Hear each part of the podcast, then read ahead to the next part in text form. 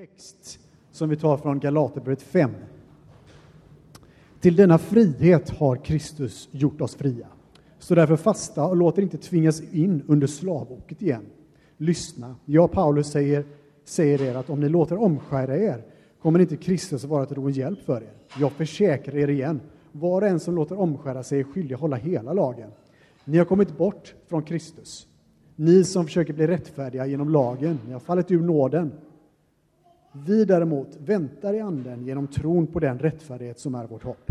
I Kristus Jesus beror det inte på om vi är omskurna eller oomskurna, utan om vi har en tro som är verksam i kärlek. Ni är kallade till frihet, bröder. Låt bara inte den friheten ge köttet något tillfälle, utan tjäna varandra i kärlek. Hela lagen uppfylls i ett enda budord. Du ska älska din nästa som dig själv. Men om ni biter och sliter i varandra, se då till att ni inte slukar varandra. Vad jag vill säga är detta. Vandra i anden, så gör ni inte vad köttet begär. Köttet söker det som är emot anden och anden söker det som är emot köttet. Det är två strider mot varandra, så att inte ni kan göra det ni vill. Men om ni leds av anden står ni inte under lagen. Köttets gärningar är uppenbara. Sexual, sexuell omoral, orenhet, orgier, avgudadyrkan, okultism, fientlighet, gräl, avund, vredesutbrott själviskhet, splittringar, illäror, illvilja, fylleri, vilda fester och allt sådant. Jag säger er i förväg vad jag redan har sagt. Det som lever så ska inte ärva Guds rike. Andens frukt däremot är kärlek, glädje, frid, tålamod, vänlighet, godhet, trohet, mildhet, självbehärskning. Sådant är lagen inte emot. Det som tillhör Kristus Jesus har korsfäst sitt kött och dess lidelser och begär. Om vi har liv genom Anden, låt oss då också följa Anden. Låt oss inte vara fåfänga och inte utmana varandra och inte avundas varandra. Amen. Jag tackar dig Herre för att vi får eh, samlas till gudstjänst, Herre. Jag tackar att vi nu får sitta en stund eh, under ditt ord, Herre. Och jag ber Herre att jag ska få, som din tjänare, få stå under ditt ord, Herre. Att jag inte ska sätta mig över ditt ord, Herre, utan att du, jag får stå under ditt ord, Herre. Jag ber också att jag ska vara i Andens grepp, Herre, så att jag får förkunna ditt ord och ditt evangelium, Herre, på ett sätt så att det blir levande, Herre, på ett sätt så att det går in i våra hjärtan, Herre, och gör det vart du har tänkt att det ska göra i våra liv, Herre. Jag tackar dig för det, Herre. Tack att du är här idag för att skapa liv. Tack att du är här idag för att hela och upprätta. Tack att du är här för att frälsa och förnya, Herre. Tack att du är här för att uppenbara saker för oss. Tack att du är här för att ge oss kunskap som sätter oss fria. Din sanning, Herre. Tackar dig för det, Herre. Amen.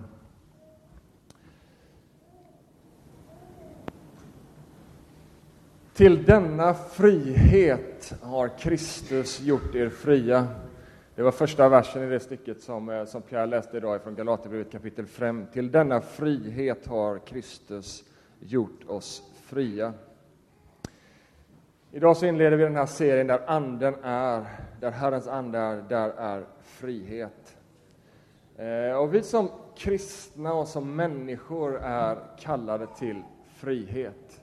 Frihet på så många plan. Jag vet inte vad frihet betyder för dig, men jag är helt övertygad om att det frihetsbegrepp som finns i evangelium är en långt större frihet och betyder långt mycket mer än vad vi kanske vid första anblick tänker när vi hör frihet. Min bön inför den här serien är att Kristus med sin ande ska leda dig ut i en allt större frihet. I vår tid så begränsar vi ofta det här begreppet frihet till att handla om vår rätt att själva bestämma. Min rätt att välja vad jag vill, när jag vill och hur jag vill, på det sätt jag vill. Vi lever i en tid med mer valmöjligheter än kanske någonsin i historien. Men det intressanta är med rätten att välja. Det här som vi tror är frihet. Det intressanta är med rätten att välja är att det nödvändigtvis inte gör oss mer fria. Utan kanske snarare kan det leda till att vi blir slavare, slavar under obegränsade valmöjligheter. Vi kan välja elavtal. Jag vet inte om du har lägenhet, kanske man inte tänker jättemycket på det, men om du har hus så liksom tänker du ganska mycket på vad ska vi ha för elavtal. Det finns liksom hur mycket som helst och man blir helt förvirrad. vad ska man välja? Det ena låter sämre eller bättre än det andra. Och när man går på hamburgerrestaurang så är det liksom inte tre hamburgare längre, utan det är 73 olika hamburgare med liksom 14 olika ostar. Ska du ha liksom emmentaler eller ska du ha gruyèreost? Det är liksom oändliga möjligheter. Och på lite mer seriöst plan så är vi nu i en tid där det här med valmöjligheter eskalerat. Och nu ska man till och med ställa frågan till sina barn. Är du säker på att du är det könet du har fötts till? Och vi liksom är inne i valmöjlighet in absurdum, där vi ska sätta oss till herre över allting och välja precis hur vi vill och vad vi vill. Och min fråga är, är det verkligen sann frihet? Eller är det något annat? Det vi tror ska göra oss fria är kanske inte alltid det som faktiskt gör oss fria. Kanske är det så att det som verkligen gör oss fria inte alltid är det som vi tror är det som ska göra oss fria. Vi har påsken i ryggen, den här fantastiska högtiden, så central i den kristna tron. Vi har påsken i ryggen Påsken som förändrade allt. Innan Jesu död och uppståndelse. Människan var åtskild Gud genom sin synd. Och det val vi hade innan påsken, det val vi hade som människor innan påsken för att nå frihet, det var lagens väg. Men det intressanta här, som vi också möter i dagens text, är att inte heller lagens väg ledde till sann frihet. Inte för att det var fel på Guds lag, utan för att det var fel på vår förmåga att hålla Guds lag. Men på korset så ropar Jesus ut, och jag nämnde det också förra veckan i min predikan, på korset ropar Jesus ut, det är fullbordat. Det är fullbordat. Det är klart. Jesus har burit vår synd, men han har också hållit lagen i vårt ställe. Det är sant för dig och mig när han ropar ut det är fullbordat. De orden innebär för dig och mig att det nu finns ett annat val att välja än att välja lagens väg eller någon annan väg. Nu finns det ett annat val för dig och mig som leder till frihet. Och det är endast ett val som leder till frihet och det är att välja att säga ja till Jesus och säga ja till allt det som påsken representerar. Den sonen gör fri, säger Johannes i kapitel 8, vers 36 i sitt evangelium. Den sonen gör fri är verkligen fri. Det som behövdes för din och min verkliga frihet, det är i Jesus fullbordat. Evangeliets frihetsbegrepp går långt bortom rätten att bara välja vad vi känner, vad som faller oss i stunden, att fritt välja vad vi vill. Evangeliets frihetsbegrepp är så långt mycket djupare, så långt mycket större, så långt mer avgörande. Jesus Kristus gör oss verkligt fria en djupare frihet, en inre frihet, en frihet att leva, en frihet att vara människa så som Gud har tänkt det. Det val du och jag står inför i livet, som kan handla om karriärval, det kan handla om elavtal, det kan handla om att välja partner, det kan handla om din sexualitet, eller det kan handla om din bil eller din stil eller vad det nu än handlar om. Alla de här olika valen är helt oförmögna att leda dig ut i verklig frihet. Vår tid säger det, vår tid ropar ut det hela tiden i tidningar, i film, i budskap. Om du gör det här, om du söker det här, om du hittar på det här, så ska du uppleva mer frihet, mer glädje, mer tillfredsställelse i ditt liv. Men alla dessa valen är faktiskt, de behöver inte vara dåliga val, men de är inte förmögna att leda dig ut i verklig frihet. Världen har genom hela mänsklighetens historia lovat att verklig frihet finns i dina och mina val. Att verklig frihet skulle finnas i någonting som du och jag gör. Adam och Eva, ni vet de första människorna. De gick på precis samma lögn. Ormen som viskade. Om du bara tar saken i egna händer, Eva. Om du bara gör detta, då ska du få vad du längtar efter. Du, du, du. Vi som människor har alltid attraherats av att vara Gud, att ha rätten att välja och bestämma. Och vi går på lögnen, att vi tror att något vi kan välja, något vi kan göra, kan leda oss ut i frihet. Faktum är att världens löfte har inte lett till någonting annat än bundenhet. Men i kontrast till detta så står Guds löfte fast. Påsken i ryggen. Guds löfte står av evighet fast att inget annat än hos honom, genom ingen annan än genom Jesus Kristus, finns verklig frihet och det fulla livet. Det är därför vi är här idag. För vi har funnit någonting som är långt mera värt än allting annat. Långt mera värt än allting annat. Långt mer dyrbart än allting annat. Vi har fått smaka på att frihet har ett namn. Namnet Jesus. Namnet Jesus som vi började med att sjunga idag. Och det här är en frihet som Anden vill leda oss ut i. Och nu har vi ett antal veckor framöver oss när vi ska tala om Anden och att Anden vill leda dig och mig ut i frihet. Anden vill leda dig ut i frihet från jakten att finna frihet och ro för själen i vår egen strävan. Anden vill leda dig ut i frihet från din synd som håller dig fast. Anden vill leda dig ut i frihet från lagens krav som vittnar emot dig. Anden vill leda dig ut i frihet från den ondes alla lögner som håller dig fast i tankebanor, i oförlåtsamhet mot dig själv eller andra.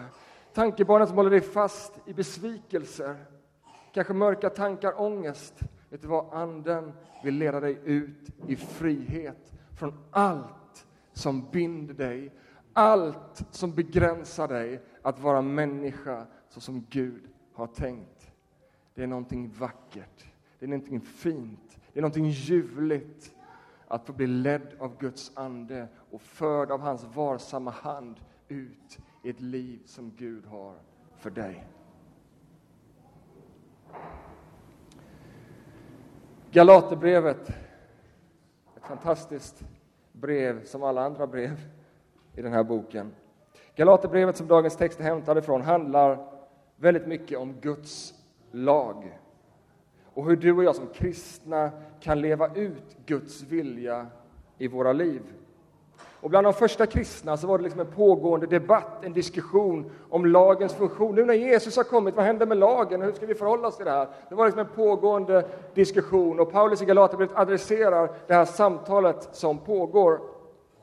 Jag vet inte om du är väl bekant med Paulus texter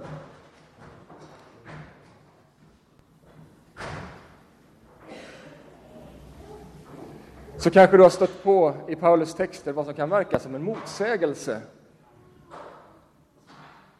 Ena stunden så säger Paulus om lagen, om Guds lag, Gamla testamentet som stor del är uppfylld av Guds lag. Ena stunden så kallar Paulus lagen för fullkomlig och helig. Och i nästa vers så kan han tala om samma lag som svag och oförmögen. Är det någon som har stött på den här motsägelsen i, i Paulus undervisning? Att lagen, alltså ena stunden är den fullkomlig och helig, nästa stund är den oförmögen och svag. Hur ska vi som kristna förhålla oss till denna Guds lag? Och först tänker jag att vi behöver förstå något grundläggande kring vad lagen är för något.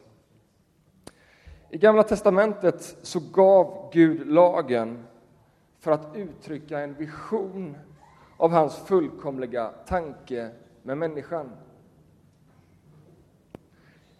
Jag vet inte om du, vi har Svea rikes lag hemma, en tjock blå bok. Kan man tänka att här är någon som har hittat på massa lagar och regler för att göra livet surt för människor. Liksom det är bara massa, åh vad jobbigt, och massa dåliga saker här, det var jobbigt. Det är bara, Åh! Det är ju inte därför vi har en lag i ett land för att göra livet surt för människor. Utan vi har ju en lag i ett land för att det finns en vision om vad det goda livet är. Det finns en tanke om hur vi människor kan leva i frid och harmoni tillsammans. Och på ett sätt så kan vi se Guds lag på precis samma sätt. Den uttrycker en vision ifrån Gud vad det är att vara människa och att leva så som Gud har tänkt. Så Gud, och Guds lag i sitt syfte och sin essens uttrycker alltså den här visionen för människan. Jesus själv summerade lagen i orden. Och Det fanns också ett utdrag av detta i Galaterbrevet kapitel 5 som vi läste idag. Jesus själv summerar lagen i orden. Du ska älska Herren din Gud av hela ditt hjärta och med hela din själ och med hela din kraft och med hela ditt förstånd och din nästa som dig själv.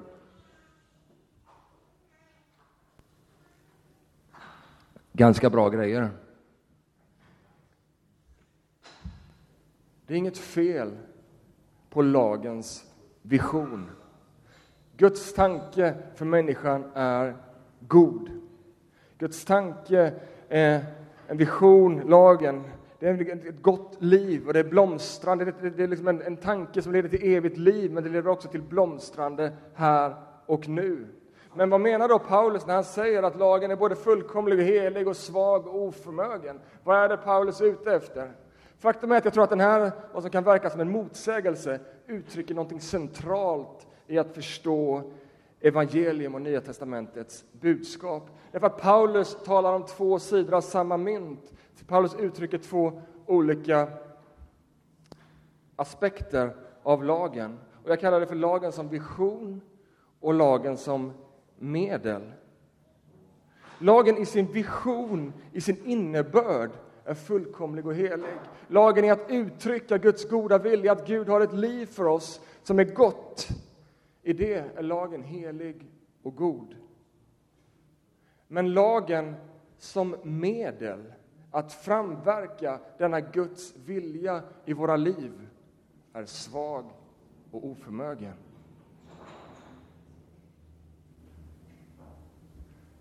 Jag vet inte, ni som känner mig vet att jag gillar att laga mat. Jag älskar matlagning, så därför kommer nu en sån här löjlig matbild. Men det är lite som om, som om livet under synden är som att bara vara uppfödd på torftig havregrynsgröt. Det enda du känner till om livets goda, det är liksom havregrynsgröt. Det är inget fel på havregrynsgröt någon gång då och då, men om det är din vision av vad, liksom, vad som är riktigt gott i livet, så har du inte upplevt så mycket. Vi kan säga att livet under synden är som att liksom bara leva i viss, viss kunskapen om att havregrynsgröt, det är det som är gott.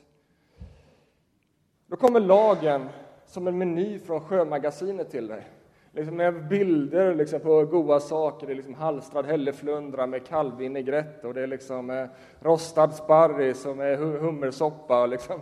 Bara, wow! Det finns någonting annat, det finns någonting mer. Bara, wow, jag trodde det enda fanns var havregryn. Men det finns någonting mer.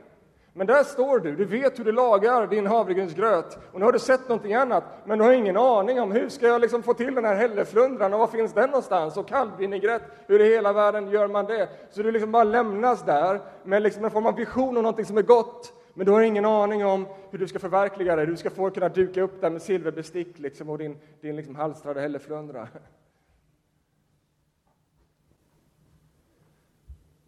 Guds goda vilja för människan kvarstår. Lagen i sin vision är god, men den är oförmögen att i sig själv få oss att leva det goda livet och att hålla dess bud. Lagen visar vad som är gott. Lagen kommer där med den fantastiska menyn från Sjömagasinet. Men den ger oss inte kraften att leva ut det som är gott. Lagen som är väg till rättfärdighet och till ett rättfärdigt liv är en oframkomlig väg. Därför säger Paulus så här i Galaterbrevet 5, vers 1-5. Till denna frihet har Kristus gjort oss fria. Stå därför fasta och låt er inte tvingas in under slavoket igen. Lyssna, jag Paulus säger er att om ni låter omskära er kommer inte Kristus att vara till någon hjälp för er. Jag försäkrar er igen var och en som låter omskära sig är skyldig att hålla hela lagen. Och ni, ni har kommit bort från Kristus, ni som försöker bli rättfärdiga genom lagen. Ni har fallit ur nåden.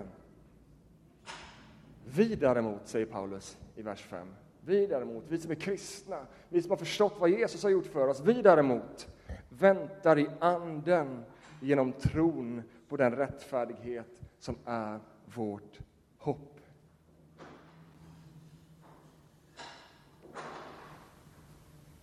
Paulus kallar i vers 1, 2, 1 lagen för ett slavok. Vad är ett slavok? Det är någonting som tynger ner slaven så att lagen ska förlora rörelseförmåga, så att, så att slaven inte ska kunna liksom röra sig fritt. Lagen är en börda, säger Paulus. Försöker du vandra på lagens väg så blir du nedtyngd och till slut så kommer lagen att krossa dig. Till slut så orkar du inte längre. Det är Paulus uttryck över att vandra på lagens väg. Om vi hade kunnat hålla lagen med ett glatt hjärta, det var underbart. Det var, Herrens lag är bara ljuvlig, det bara flödar ur mig. Det här livet, det bara kommer helt naturligt. Det bara wow! Då hade ju lagen lett till frihet. Då hade ju lagen lett till det blomstrande livet. Då hade lagen lett till Guds löften. Men eftersom att vi inte kan hålla lagen så blir den en börda.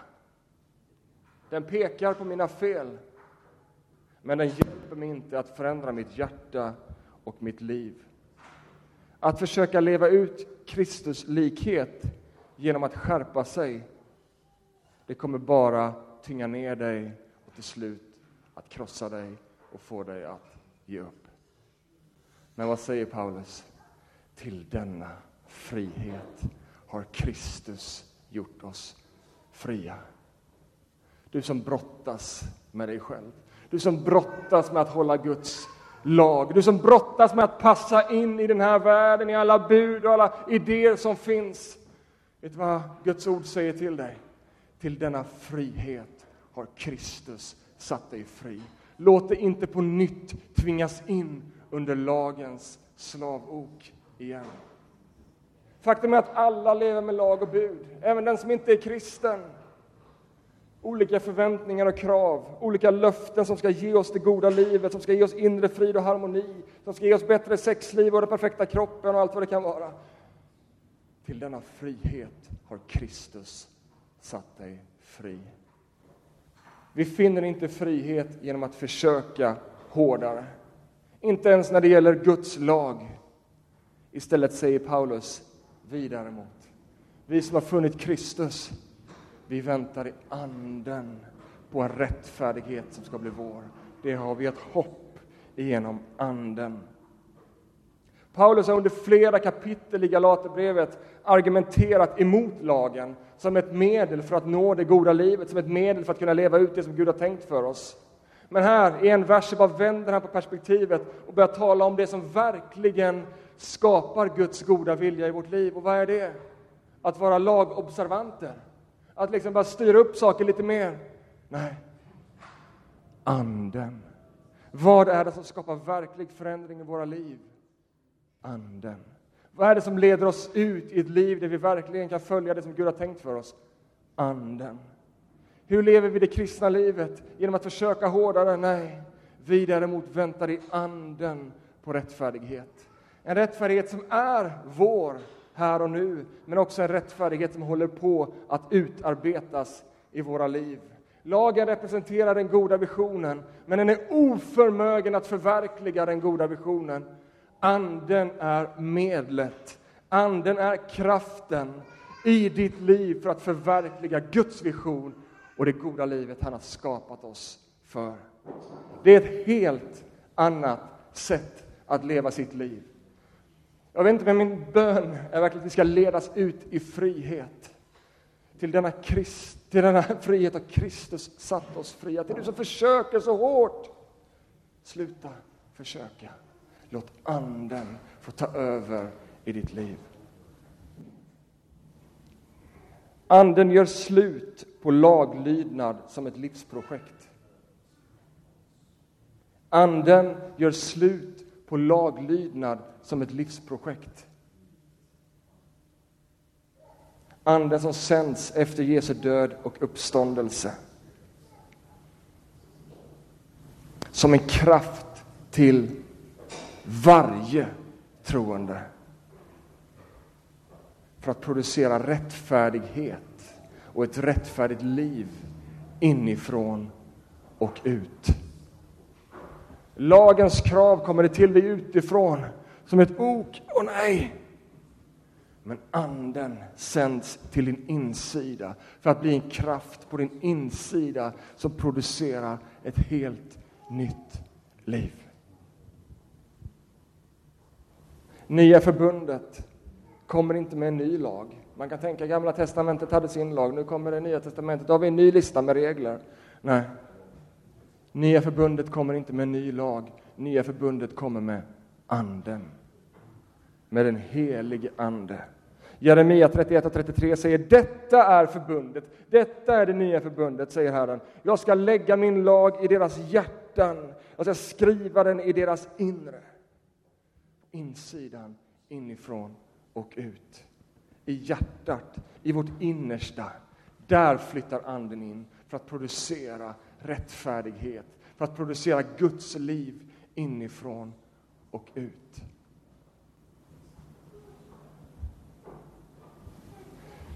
Tänk dig en blomma som du bara skriker på. Väx nu! Slå ut! Gör någonting! Den kommer ju bara vissna av liksom terror. Men om du ger den rätt näring så kommer näringen sugas in och från blommans inre så kommer ett liv och den kommer slå ut och bli det vackra, det som finns i den, den nedlagda potentialen. På samma sätt kommer Anden in i din insida så att du kan blomstra i det som Gud har tänkt.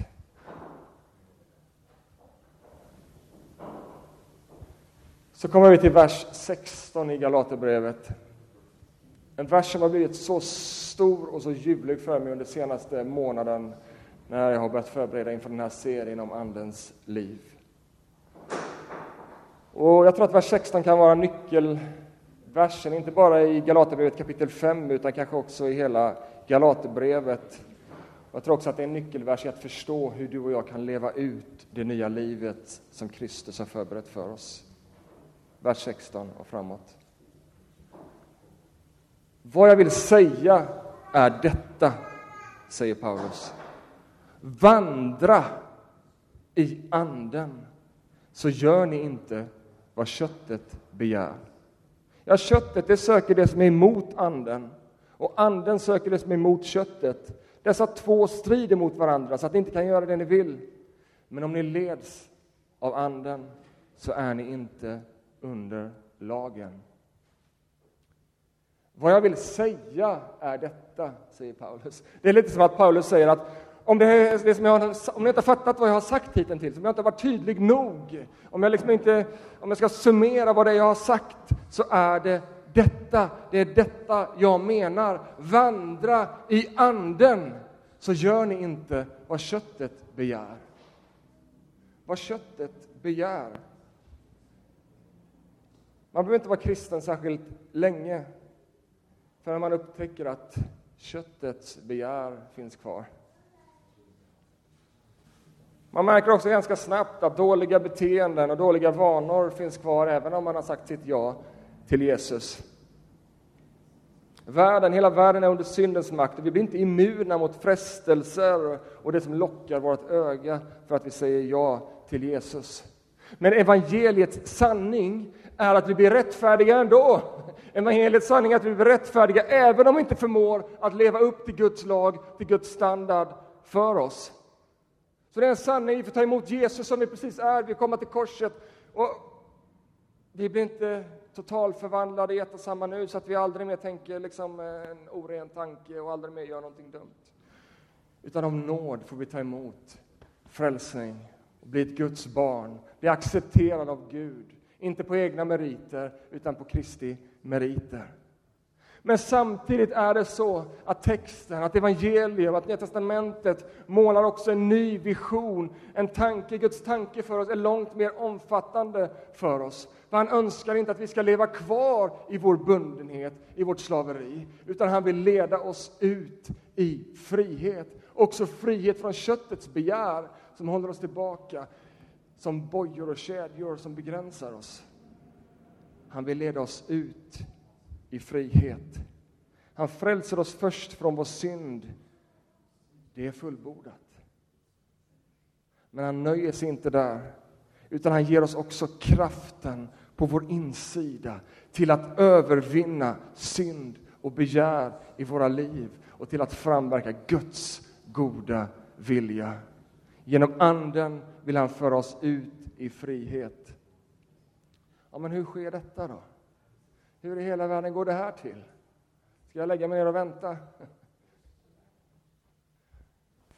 Ska jag ta fram lagen igen och börja banka huvudet på mig? Ska jag tvinga mig själv lite hårdare till att försöka att inte älska någonting annat än Gud?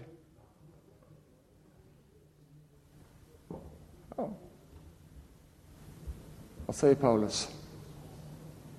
Vandra i Anden, så gör ni inte vad köttet begär. En av de första sakerna som slog mig med vers 16 är ordningen. Den ordning som Paulus presenterar i vers 16. Vad kommer först? Att vandra i anden eller att lägga bort köttets begär och gärningar? Ofta tror jag att vi lever tvärtom den ordning som Paulus presenterar. Om jag bara slutar med de här köttets begär, då kan jag vandra i anden. Om jag bara, om jag bara kan sluta med det där, det bara upptar det där begäret, bara upptar hela min värld. Det bara blir allt för mig. Det bara, åh, om jag bara kan sluta med det där, och så bara håller vi på att stångas. Så hela vårt liv kretsar kring våra begär, kring mina problem, kring det som tynger mig ner. Vad händer då? Blir jag fri? Jag blir ju uppsnurrad av all sköns djävulskap, vill jag bara säga. Det bara upptar hela mitt liv med mina begär. Åh!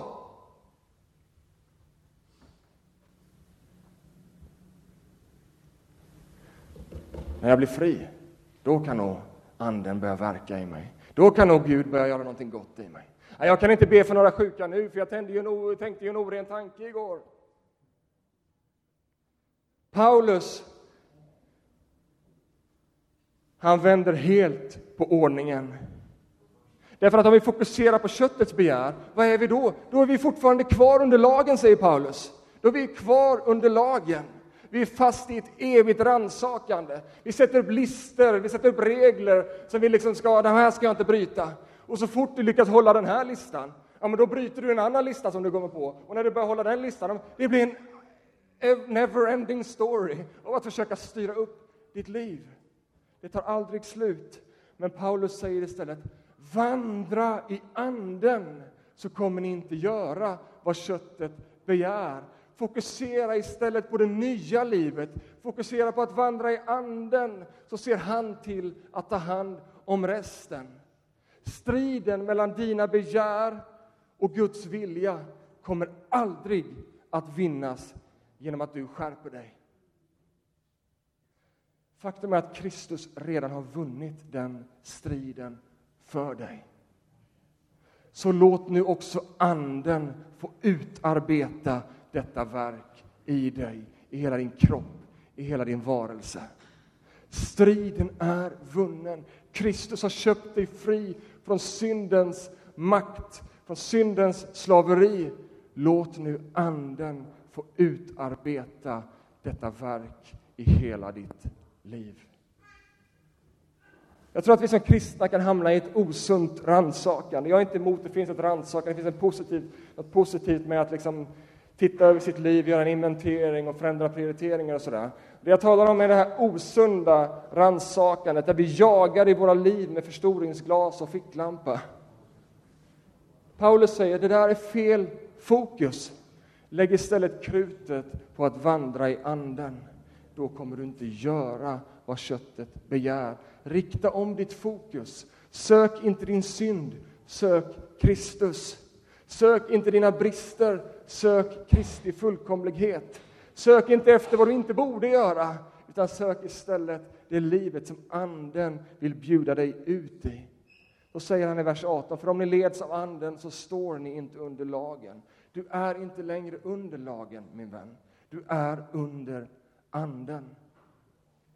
Och då kan man tänka, hur ska det nu gå? Nu blir det väl kaos här? Ja. Kan det ju bli. Livet under anden handlar inte om laglöshet. Men det handlar om att flytta fokus och kontrollen till något som verkligen kan göra skillnad i ditt liv.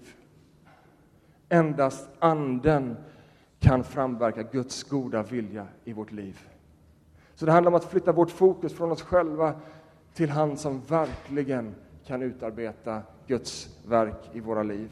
Du kommer att snubbla och falla, du kommer att trilla åt både höger och vänster, även när du vandrar med Anden. Men vet du vad, om du vandrar med Anden kommer du inte fastna i ditt fall, du kommer inte fastna i dina misslyckanden, utan du vet att alla de där misslyckandena är uppspikade på korset. Så vad gör du? Du reser dig upp igen. Ja, den rättfärdige reser sig upp 77 gånger, säger Bibeln. 77, det är fullkomligt. Vi bara reser oss upp hela tiden. Och vad gör vi? Jo, vi bekänner att Kristi verk tillhör mig. Och så fortsätter vi att fokusera på det liv Gud har för oss, på det han har kallat oss till. Och så vandrar vi i Anden och det som han har tänkt för oss. Och när du vandrar i Anden, då behöver du inte jaga i ditt liv efter dina brister och dina problem.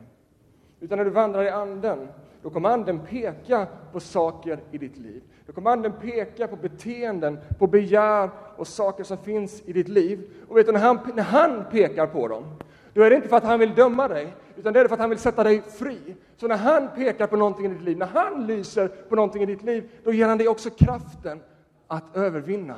När du börjar peka på saker, när du börjar hålla på, ja då får du lösa det själv. För att om ni försöker hålla lagen, ja, då har Kristus dött förgäves, säger Paulus. Ja, då står ni inte längre under nåden. Men när Anden pekar på saker i våra liv, wow, då händer grejer. Wow, den där saken som jag inte har kunnat släppa, den där saken jag inte har kunnat göra upp med, det är bara som, ah! Du får en kraft att övervinna när du fokuserar på honom och hans förmåga. Du vet, lagen låser din blick vid dig själv. Men Anden sätter dig fri att leva det liv som Gud har tänkt för dig. Anden sätter dig fri att fokusera och tjäna andra. Visst är det ljuvligt? Jag hoppas att du känner att wow, det finns en kraft här, det finns ett liv här att gå ut i. Där du faktiskt kan uppleva att du vinner seger i ditt liv. Du vinner seger i ditt liv. Saker som har hållit dig fast, Släpp din egen blick ifrån det och börja se på vad Kristus har gjort för dig. Börja se på det livet som Anden har för dig och då ska du också se att Anden ska se till att du vinner seger över också det begäret. Till sist några ord om det som Bibeln kallar för Andens frukt.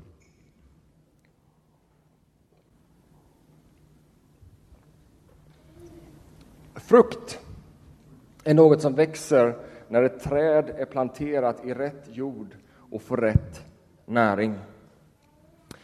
Genom Kristi kors så är du planterad i rätt jord. Genom Anden som är given till dig så har du möjlighet till rätt näring. Du är genom Kristi kors planterad i rätt jord. När du vandrar i Anden så får du rätt näring. Vad händer? Då börjar frukt växa i ditt liv. Köttets begär, ja det leder till, till slaveri, sexuell omoral, orenhet, orgier, avgudadyrkan, ockultism, fientlighet, gräl, avund, vredesutbrott, själviskhet, splittringar, irrläror, illvilja, fylleri, vilda fester och allt annat sådant. Men Andens frukt som växer i dig när du är planterad vid Kristi kors, när Anden får, får, får ge dig näring, då växer kärlek, glädje, frid, tålamod, vänlighet, godhet, trohet, mildhet, självbehärskning. Och vet ni vad, säger Paulus, sådant är lagen inte emot. Sådant är lagen inte emot. Varför inte då? Därför att det förkroppsligar Guds goda vision för människan. Andens frukt är ett uttryck för det liv som Gud har skapat oss till. Det som lagen ville peka på, men som lagen var oförmögen att föda fram i våra liv. Det sker genom Anden, så växer detta fram. Så sätt ditt fokus på rätt saker. Bejaka Andens verk i ditt liv. Hur vandrar jag i Anden? Ja, men börja bejaka det Gud gör i ditt liv. Börja tänk på det som anden är, börja tänk på andens frukter. Börja se, ja men Gud, finns det någon kärlek i mitt liv? Och, ja, det är klart du gör det, för att du har gjort ett verk i mig. Wow, och, och led mig att få betjäna andra med den här kärleken. Ni vet, andens verk riktar sig aldrig inåt, det riktar sig alltid ut ifrån våra liv. Det finns ett visst verk inåt givetvis, där han vill upprätta oss. Men sen så konsekvensen av Andens verk är ett liv utåt, där vi får bemöta andra med kärlek, andra med glädje. Börja tänka på det, börja fokusera det. Och Gud, hur kan jag tjäna dig idag? Hjälp mig. Jag vet att i min egen kraft förmår jag ingenting, men du, du kan hjälpa mig. Det är att fokusera rätt saker. Och när vi har smakat på Andens frukt, då börjar det där ruttna köttet där borta tappa all sin attraktionskraft. När vi har smakat på menyn ifrån Sjömagasinet, då börjar den där havregrynsgröten börja bli tråkig. Så när vi fokuserar anden, då liksom tar Gud hand om det andra. Den som sår i sitt kött får av köttet skörda undergång, säger Paulus kapitel 6 i Galaterbrevet. Men den som sår i anden får av anden skörda evigt liv. Andligt liv är inte passivitet från vår sida, där vi bara slutar att bry oss, där vi inte gör någonting. Liksom. Nej. Faktum är att liksom, när, när, Bibeln undervisar om Anden så är det fullt av imperativ, fullt av uppmaningar, likt uppfyll er av Anden, sök ivrigt Andens gåvor eller vandra i Anden. Ge näring åt det som triggar Guds verk i ditt liv. Det är det vi ska hålla på med. Håller du på med ditt kött, ja, men då triggar du all möjliga begär i dig.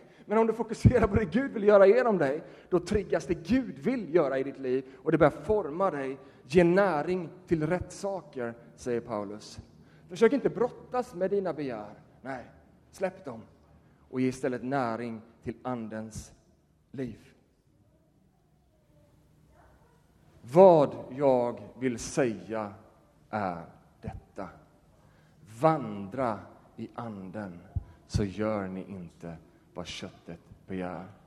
Syskon, låt oss ledas ut i ett ljuvligt liv, ett spännande liv. Låt oss ledas ut i frihet, den frihet som Kristus har för oss. Inte en frihet där du och jag blir Gud och får välja hit och dit och styra och tro att det skulle ge oss frihet. Det kommer inte ge oss frihet. Men en frihet där Gud får ta kontroll i våra liv, där Anden får leda oss. Och det är ett härligt liv, det är ett spännande liv. Och jag tror att vi ska få se så mycket av Andens frukt växa fram i våra liv. Så mycket av Andens verk beröra vår stad med Guds kraft. I Jesu namn. Amen.